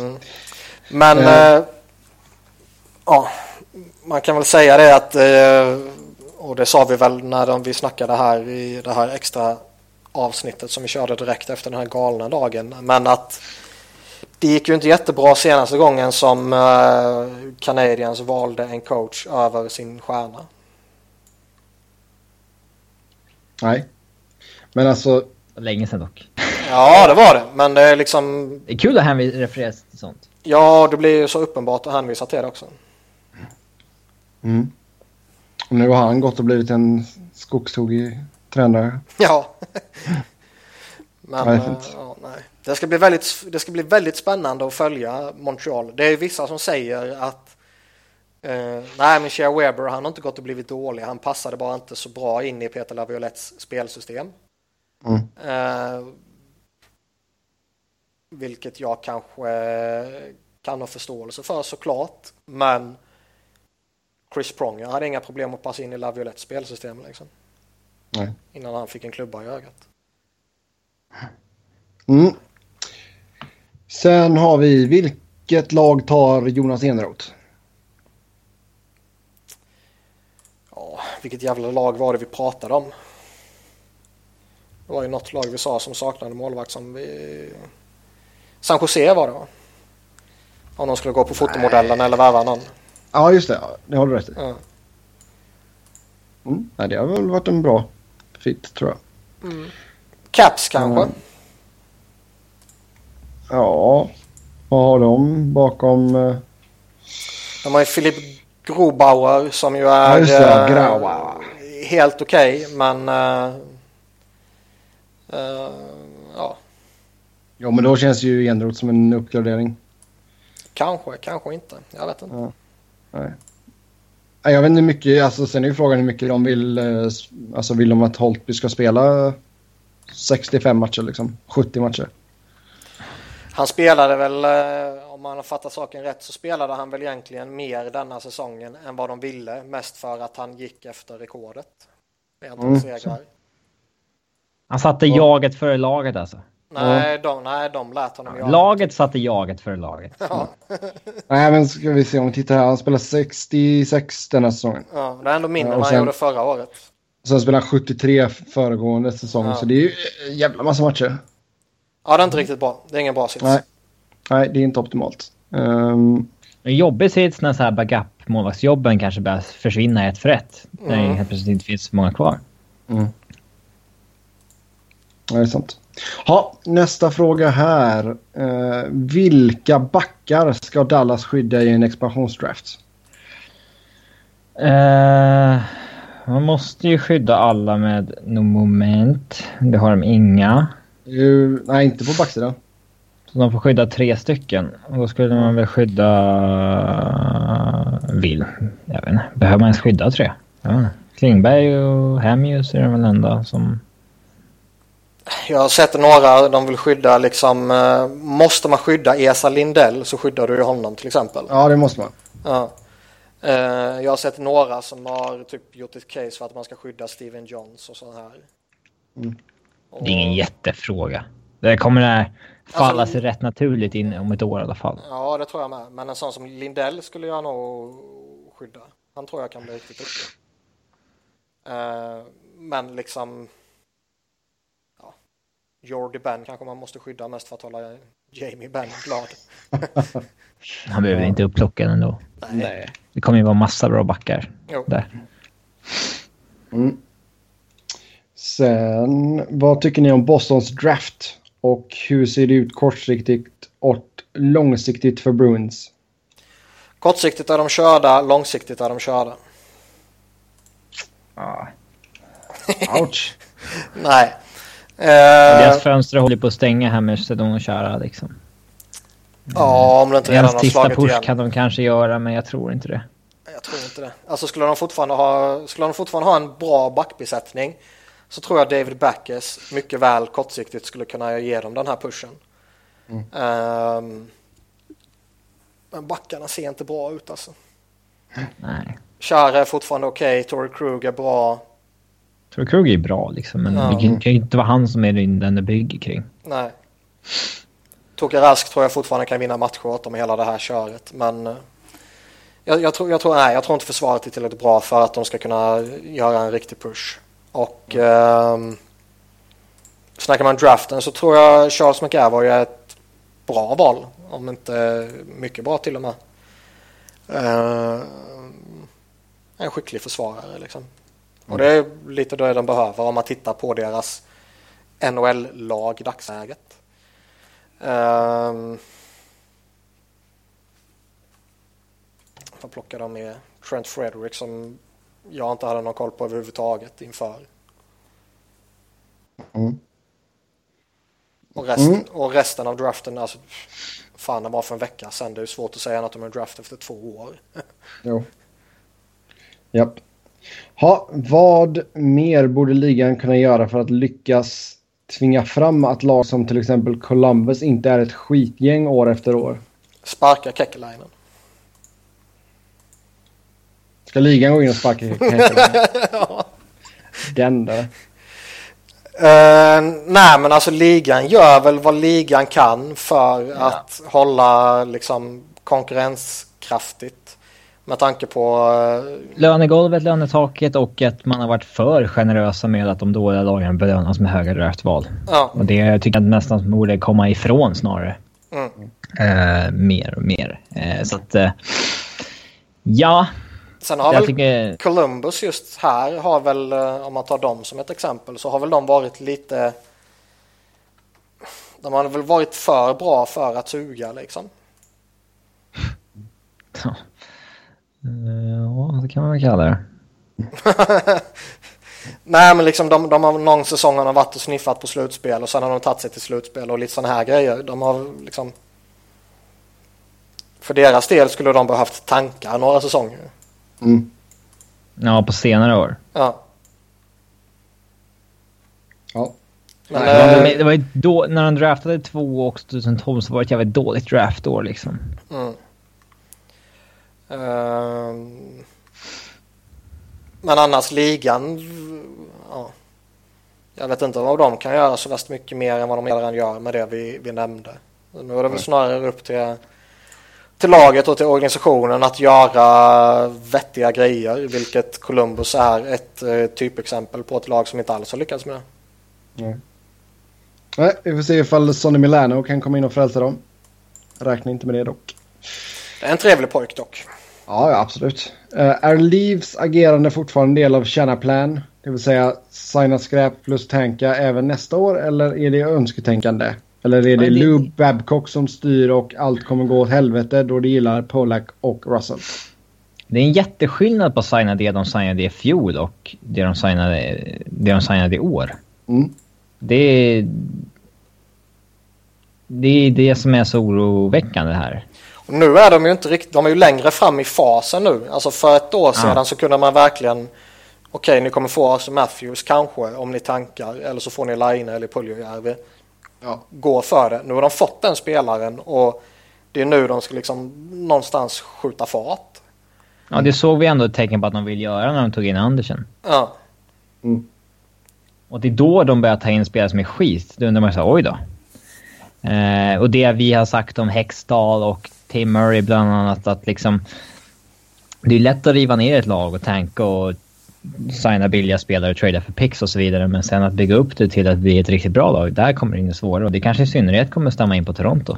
mm, Om de kommer hålla på så här. mm. Sen är det lite, alltså plockar de in Chris- Chris Russell och de har plockat in Matt Martin så är det ju inte kärnaplan för att liksom fortsätta tanka och fortsätta samla på sig så. Då, är, utan då bygger man ju någonting. Skulle man bara, det var som jag sa tidigare, skulle man bara plocka in Pollack så är det ju samma grej som det var för ett år sedan. Men nu ser man väl någonstans ett mönster här och då i synnerhet med Andersen för några veckor sedan. Mm. Japp. Eh, kan man anse att Nashville gjort en rebuild on the fly sett till de senaste årens förändringar? Ja, det kan man väl. Mm. Ja, det kan man väl definitivt. Inte så här typisk Rebuild on the fly där du byter in eh, din 29-åriga veteran mot två 20-åringar som är sen redo att steppa in direkt. Nej, men du fick, du fick Filip Forsberg mot Martin Erat. Ja, men det var Ja, men det är nog för länge sedan för att uh, inkludera i den här diskussionen tror jag. Mm. Ja, och den är för uppenbar att man tar oavsett i vilket läge man är i. Ja. Det, är liksom så, Det var det var sant. så sne, Ja. snedfackad värde i den traden. Liksom. Men det är ju det här man gjorde denna säsongen med Johansson och Seth Jones och Subban som är... Jag, jag tror inte de har tänkt så mycket på, liksom, på, det, på det viset. Utan det var liksom så okej vi behöver en första center. Kan vi offra en av backarna? Ja, det blev Seth Jones. Mm. Och sen liksom... Det var ju Nashville som ringde Montreal och erbjöd Webber. Ja. Det tyder ju på att David Poyle är riktigt bright ändå. Eh, Jo, men han visste ju att de hatar Subban i Montreal. Ja, alla visste ju att han var tillgänglig. Men alltså att han ändå... har- Att han har den insikten att han liksom tycker att han... Att han ändå inte är så jäkla gud... Mm. Gudar med någon som man, många tror att han är. Och... eh, Man såg en chans att uppgradera egentligen och jag tror att... David Poyle har ju länge kritiserats för att vara den GMen som har liksom tänkt igenom saker för mycket, liksom överanalyserat saker och sen så har det aldrig blivit av. Mm. Att här, det är så jäkla gutsy move att liksom skicka kaptenen mot Subban. Eh, Det är ju ett jättestatement. ja. Eh, Och jag, jag, jag tror inte att det var tänkt som en rebuild on the fly utan att liksom alla de här movesen kom liksom för att ett enskilt syfte och sen så har det bara blivit ett jäkligt bra pussel av alltihop. Mm. Ja, nej absolut. De är jävligt bra lag på pappret här nu. Eh, De har den back topp fyran protectad tre år till också innan Ellis Ja. kontrakt går ut. mm. ja, det är väldigt bra. Alla är, många i samma åldersgrupp där också. Man spelar Josie med Ekholm, man, ska, ja, man spelar Ekholm med Subban kanske och sen Josie med Ellis. Mm. Ja. Mm. Japp. Eh, bra gjort i alla fall, det kan man lugnt säga. Eh, nästa fråga här. Vägrade och att signa med Islanders för vilket nedköp det blev med Ladd istället? Eh, Nej, det verkar Ja. väl varit Islanders som inte var så sugna på att signa han på de pengarna. Mm. Eh, kortsiktigt så är det väl som jag sa tidigare att ja, där kan kanske Ladd hålla jämna steg med Poser i produktion. Ja. Men någonstans vill man väl ändå om, om man på något sätt ska bara för sakens skull argumentera för och Posers tillkortakommanden på något sätt och att man skulle släppa honom så är det väl att om du är den målskytten och du inte gör bättre jämte Tavares så är det kanske rätt att släppa honom ändå. Där kan det väl kanske någonstans så man kan resonera, det var kanske så de tänkte, jag vet inte. Men jag tycker ju det är ett nedköp. Mm. Framförallt om du slår in ihop hela paketet. Liksom Nilsson har ju som sagt varit duktig för dem också. Ja. Mm. Eh, hur många kedjor i NHL består av idel första liners? Eh, enligt han som ställer frågan här är det endast Washington, möjligen Nashville, Sharks, Stars och Blues. Lite beroende på hur du spelar. Den är faktiskt ett så intressant fråga. Sen blir det med lite, eh, eller lite, Alltså ska- väl, Vilka spelare i den så kallade första kedjan då? vad sa du? Vilka spelar i den så kallade första kedjan då? Ja. Det är klart att Pittsburgh har om man spelar Malkin, Kessel, eh, Crosby, men det gör de ju inte. Nej. Nej. Och det är väl det han menar när de inte gör det, vilket är det vanliga fallet. Och det är väl inte jättemånga egentligen. Det är ju jättemånga Nej, lag som har, väl- som har många liksom first liner så att säga, men som väljer att sprida ut det. Typ som Pittsburgh gjorde i slutspelet här, de fick en, en liksom, riktigt duktig spelare i tre kedjor. Um, Caps är väl ett bra alternativ som eh, en som har det. Mm.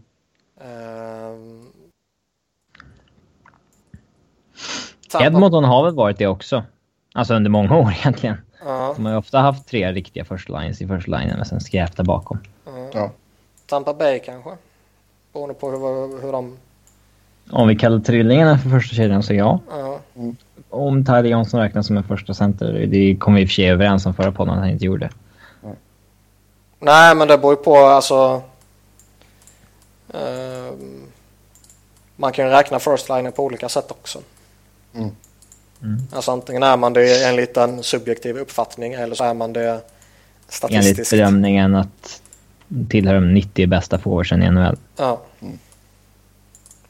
Där hamnar ju Tyler Johnson. Mm. Ja. Mm, nej. ehm, ja, jag vet inte. Kings Kan, hade väl det eh, förra säsongen i alla fall. Ja. Men inte längre. Rangers kanske. Mm.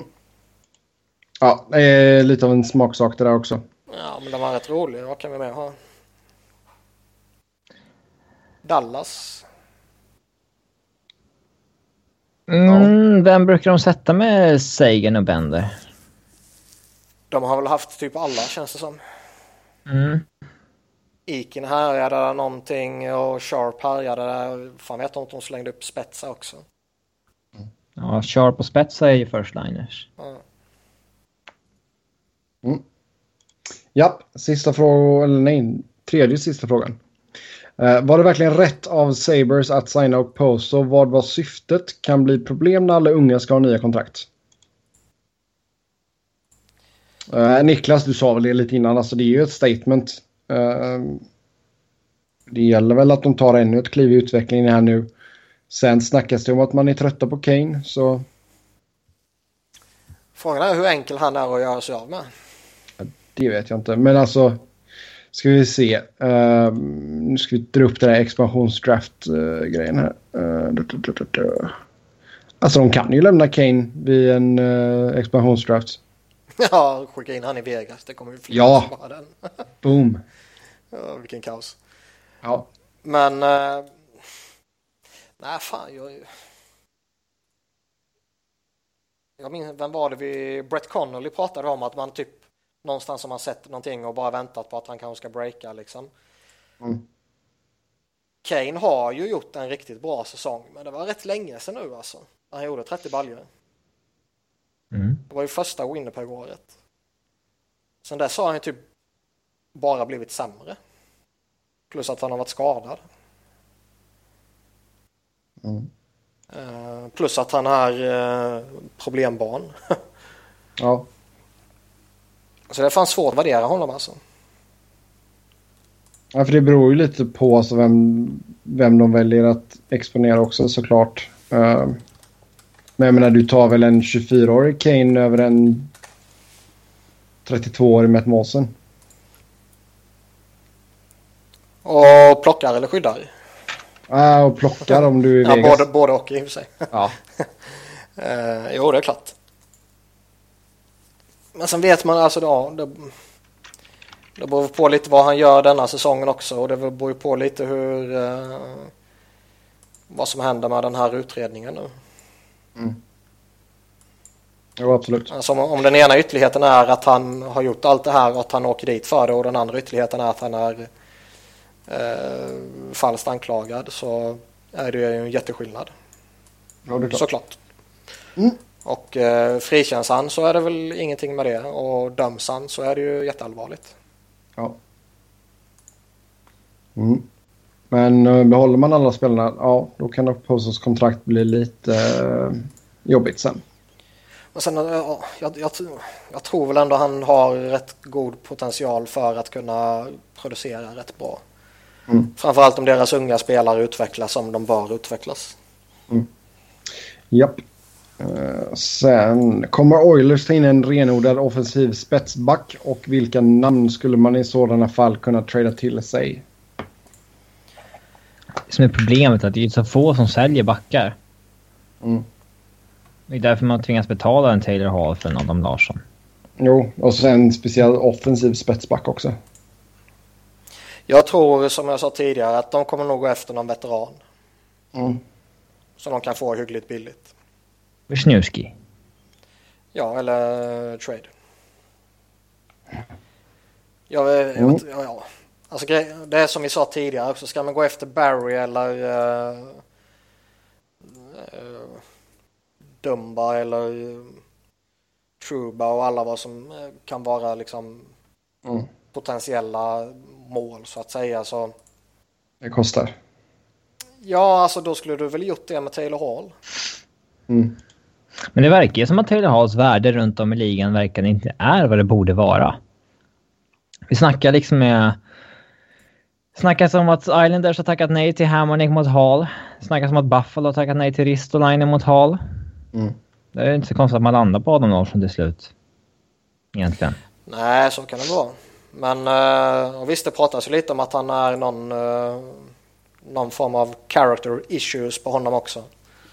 Nej, men det är ju GM som övervärderar eh, Ja, snacket om att han liksom inte har vunnit i... ja men, ja, men jag menar det. Liksom, du, har, du har dels det där lilla snacket om det och sen det här om att han har liksom varit symbolen för hela misslyckandet i, i, eh, Mm. i Edmonton. Ehm, Det är ju enbart hans fel. Ja. och liksom då, då hamnar man ju i, i ett paket som väl drar ner värdet såklart. Mm. Men jag tycker alltså han producerar ju jättebra och när han typ har lirat i Kanada och sådana här grejer så har han ju varit bra. Ja. Så jag tycker det är om, ja, jättekonstigt att man inte värderar han högre. Mm. New Jersey har gjort ett jättefynd ju. Ja, absolut. Eh, ska vi se. Vi pratar... Ska vi se. Ni snackar ofta om alla horribla free kontrakt Med tanke på det, hur tycker ni Ottawa skötte sig med tanke på att man inte gjorde någonting? Eh, ja, de är väl eh, i ett läge där de definitivt inte ska ta på sig stora tveksamma kontrakt med tanke på att de har en ägare som inte dräller av pengar. Nej. Och med tanke på att de faktiskt gjorde exakt det för inte så länge sedan när de plockade in eh, Dion Phaneuf. Mm.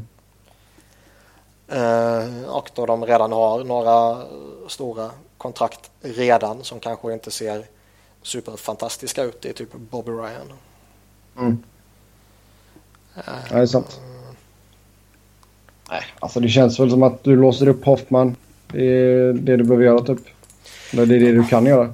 Sen vet jag inte att liksom plocka in en eh, Andrew Ladd eller Callum Poso eller eh, Frans Nielsen eller vad som kan ha liksom varit på marknaden. Skulle, skulle det göra någon jättestor skillnad för Ottawa? Ja. Alltså det hade väl lyft dem men frågan är ifall det hade varit tillräckligt. Alltså jag vet inte. Skulle du lyfta dem så värst mycket? För de har ju ändå en core som håller en väldigt god nivå. Det är ju inte den som är problemet. Nej. Så jag vet inte. Mm. Nej, kanske var bra att de har lite is i magen och väntar ut lite spelare här. De Ja, ändrar säkert någonting. eller så budade de på 12 spelare och det var inte en jävel som ville komma. Ja. Så man ser ju lite nu här och där. men Det var ju till och med Mark Bergevin var ute och sa att han hade ju kontaktat jättemånga spelare men det var ingen som ville komma och spela för Montreal. Nej, de såg ju vad som hände med Subban. ja.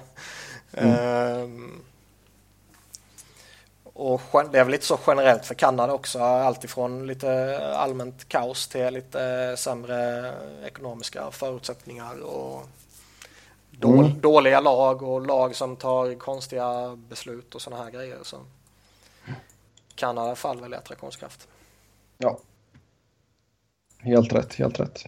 Ja, med det så säger vi tack och hej för denna gång. Som vanligt så kan ni köta hockey med oss via Twitter. Mig hittar ni på @sebnoren, Niklas hittar ni på ett Niklas Wiberg. Niklas med C och enkel V. Och Robin hittar ni på R underscore Fredriksson. Så tills eh, nästa gång. Ha det gött. Hej! Nu eh, kom det snack om att eh, Mike Hoffman kommer gå till arbitration. Det var så kul vad jag gjorde det så blev de så jävla slaktade Ottawa så att det bara skriker om det. Ja. Det hade varit sjukt kul. Eh, och Han att har det, här bra, han kommer, har bra case. eh, att det här kommer tvinga dem till att eh, komma överens om någonting innan dess. Ja. Mm, för annars kommer ju Hoffman vinna den i alla fall. Det bör han göra. Med det så hej svejs.